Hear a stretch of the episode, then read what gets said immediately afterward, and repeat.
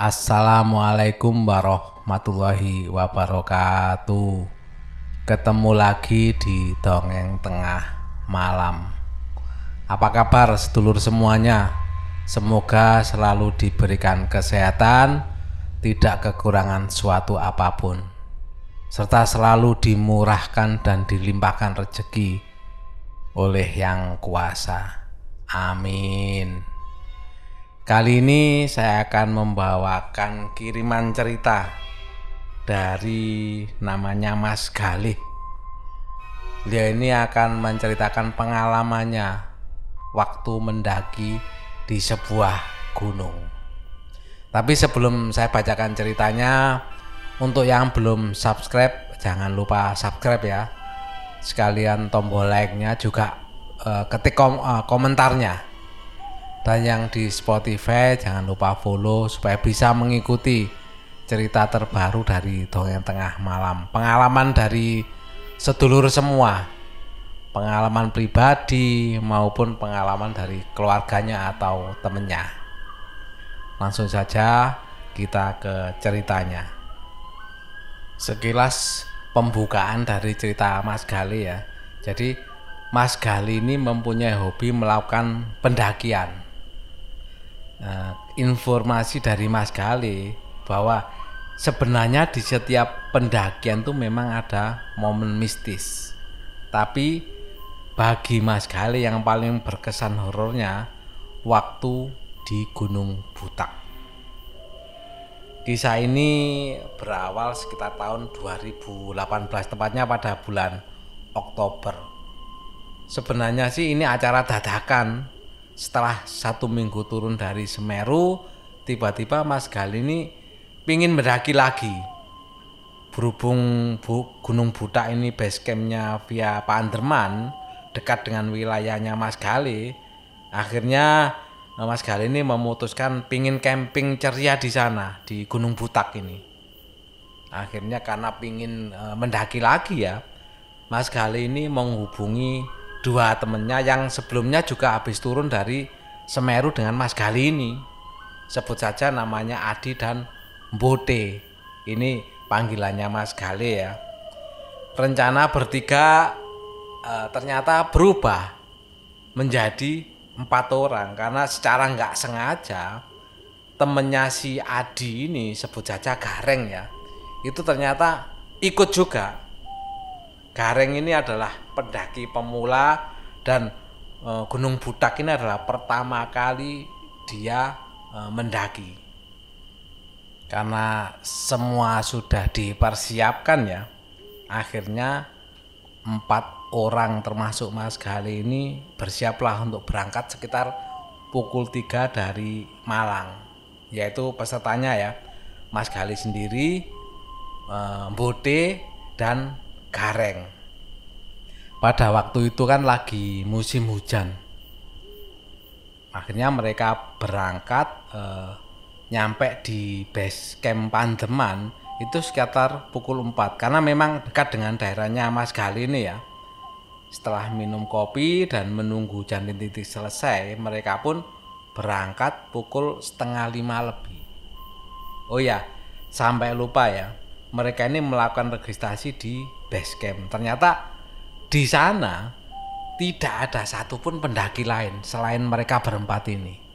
Dan motor yang ada di parkiran pun hanya motor eh, mereka saja. Sebelum berangkat, tidak lupa mereka ini masih eh, sempat foto-fotoan dulu. Dan Mas Gali ini sempat memfoto keadaan jalan yang sangat sepi sekali. Dan di situ Mas Gali berpikir bahwa bakal seru ini gunung. Cuman ada timnya uh, mereka saja berempat. Selang beberapa waktu Mas Gali kan berpikir gitu ya karena eh, nggak uh, ada tim lain ya. Tiba-tiba mereka sampai di persimpangan. Lah persimpangan itu jika mengarah ke kanan itu ke Panderman.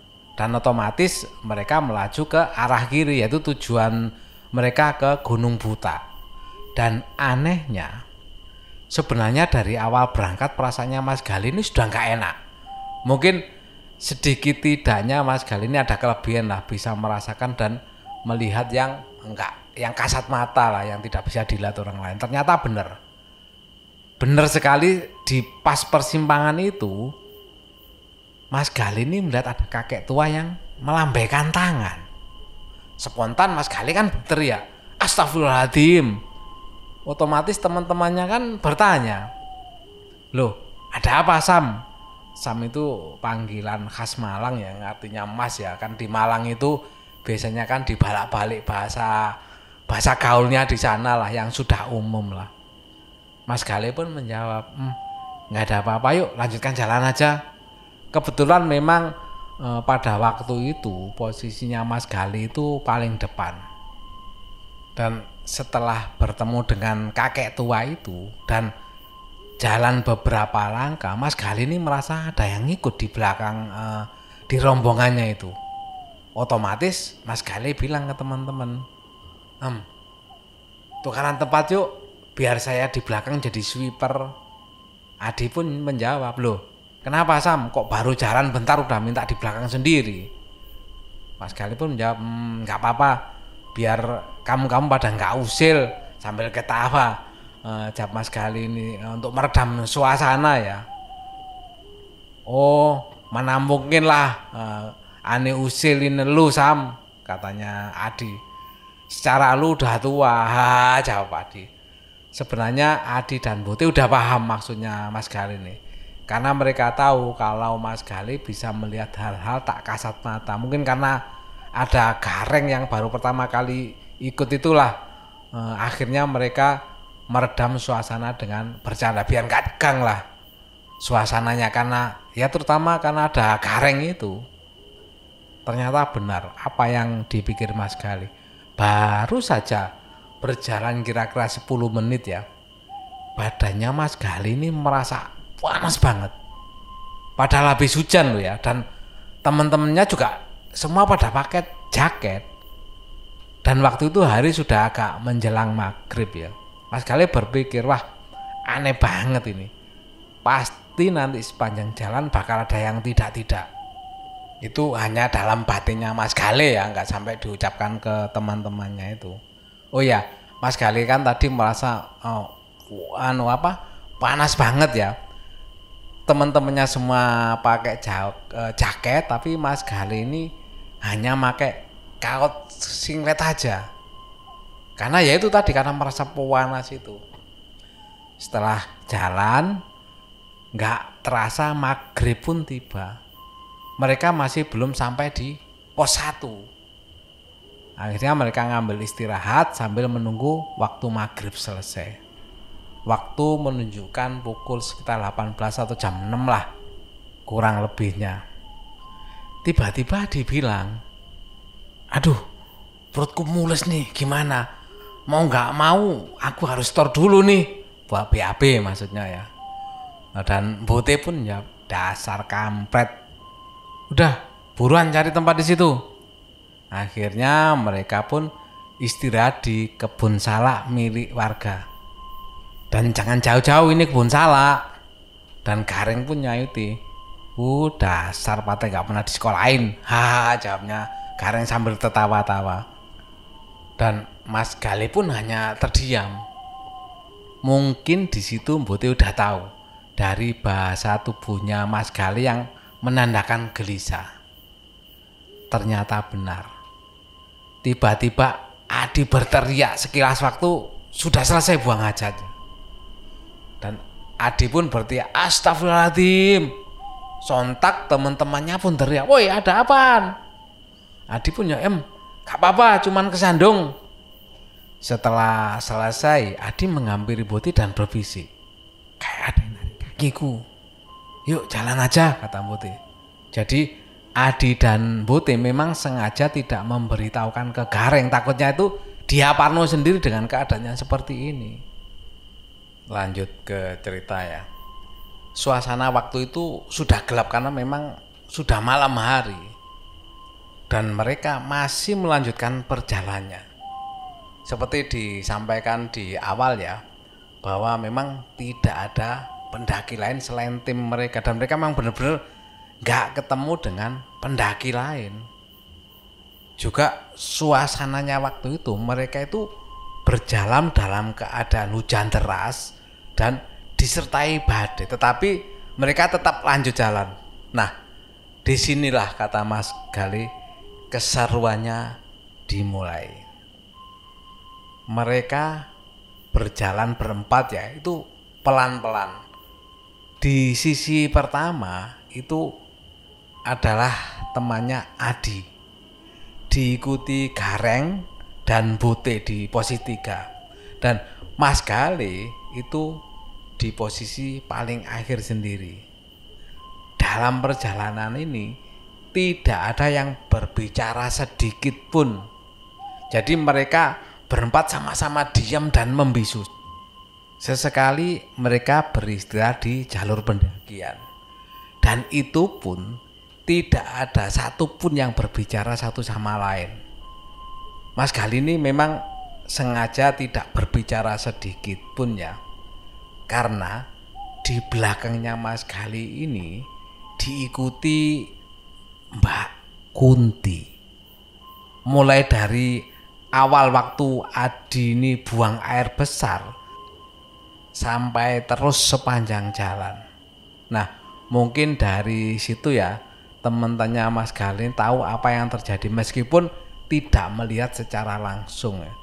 Mungkin mereka bisa tahu dari bahasa tubuhnya Mas Galin ini yang diem dan merasa benar-benar tidak nyaman sekali.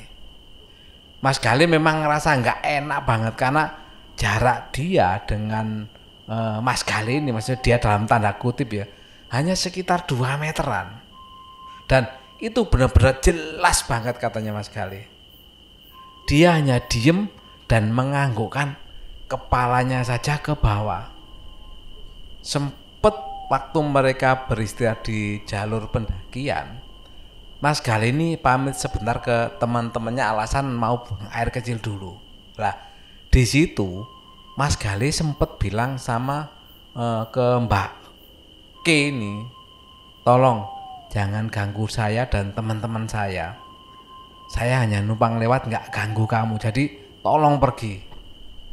Tetapi si Mbak K ini hanya diem aja dan mau pergi akhirnya eh, Mas Gale pun hanya menjawab ya udah terserah kamu saja karena mau gimana lagi kata Mas Gale nggak ada jawaban sama sekali Kengerian bukan di situ aja. Setelah melewati tanjakan yang curam dan pada waktu kan masih hujan lebat ya. Itu juga mempersulit langkah mereka.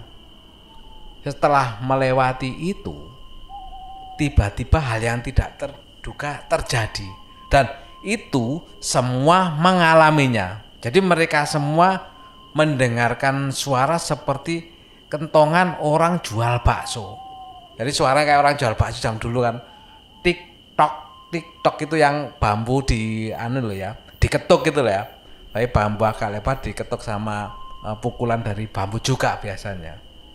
Dan ternyata mereka semua itu mendengarnya.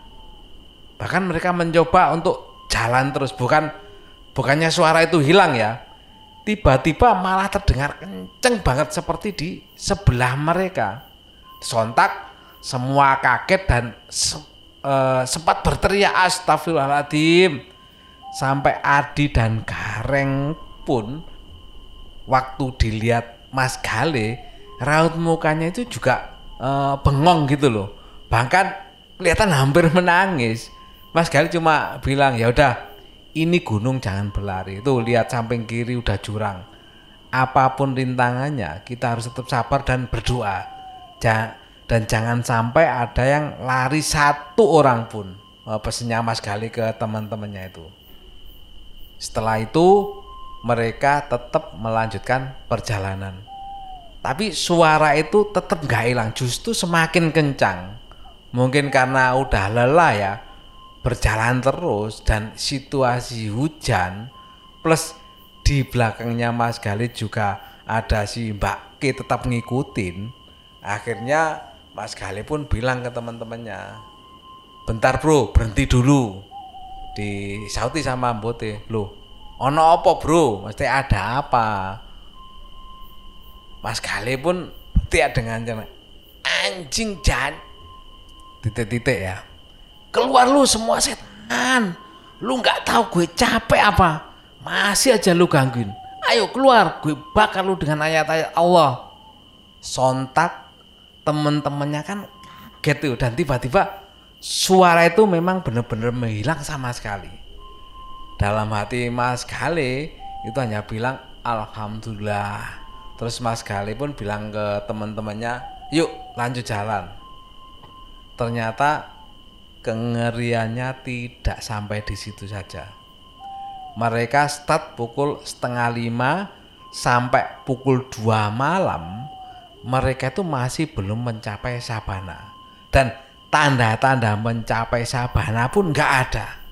Wah Mas Gale pikir ada yang nggak beres nih. Kita berjalan udah 9 jam masih belum sampai sabana. Padahal mereka beristirahat nggak pernah lama dan nggak sempat buka logistik sama sekali hanya minum air putih saja.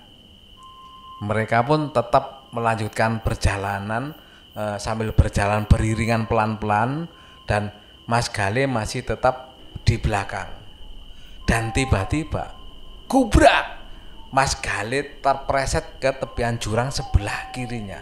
Alhamdulillah, Mas Galit masih sempat berpegang pada ranting-ranting pohon sehingga tidak terprosok masuk ke jurang. Akhirnya Mas Galit pun ditolong sama teman-temannya. Kenapa lu bro? Tanya Bote. Kecapean lu? Iya mungkin jawab Mas Gali untuk meredam suasana. Padahal dalam hatinya Mas Gali kampret aneh dijongkroin katanya. Lanjut cerita mereka pun masih jalan terus sampai lebih kurang setengah jam tiba-tiba si Gareng ini bilang mas aku nggak kuat. Mendengar ucapan Gareng itu mas Gale langsung nyorotin headlampnya ke muka si Gareng waduh pucet. Dan kelihatan dia ini kedinginan memang pada waktu itu kan hujan masih belum reda dan masih rintik-rintik. Akhirnya mau nggak mau mereka mendirikan tenda darurat di jalur pendakian tersebut. Memang sih lahan mereka mendirikan tenda itu miring, tetapi ya mau gimana lagi? Mereka harus bikin tenda karena tidak ada lahan datar. Ya udah didirikanlah tenda di situ. Setelah bikin tenda dan bikin kopi jahe, segeralah mereka uh, minum. Memang hawanya dingin.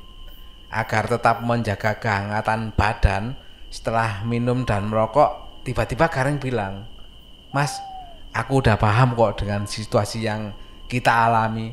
Mulai awal keberangkatan tadi cuman aku diem aja mas nggak berani. Mas Gali pun jawab udah nggak usah dibahas kita masih di gunung. Aku cuma pesen ya Reng ini kan pendakian pertama kamu kamu harus fokus gimana pun keadaannya dan tolong jangan sampai pikiranmu kosong. Iya mas, jawab Kareng. Setelah itu mereka beristirahat. Tidak lupa sebelum tidur Mas Gali dan teman-teman itu membaca surat pendek dan ayat kursi. Setelah itu tidurlah mereka.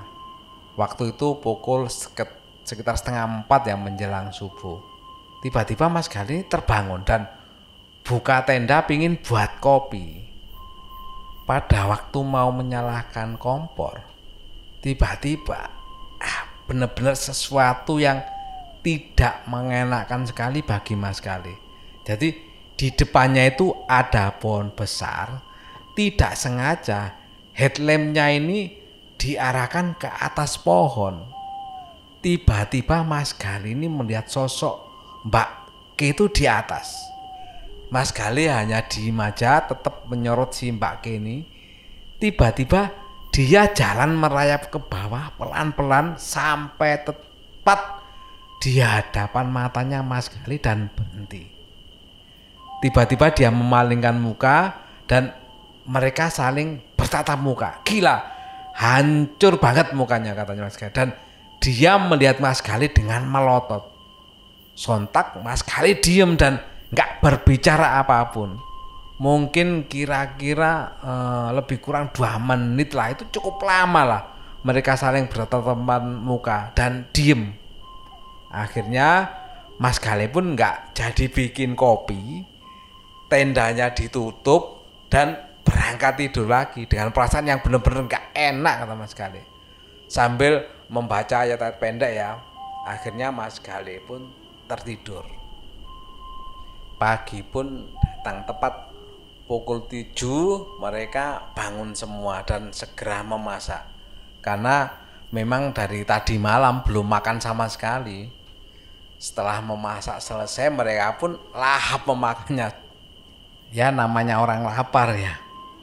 Setelah selesai mereka pun lanjut e, perjalanan dan tiga jam kemudian mereka pun mencapai Sabana gila katanya Mas Gali bener-bener aneh tadi malam itu.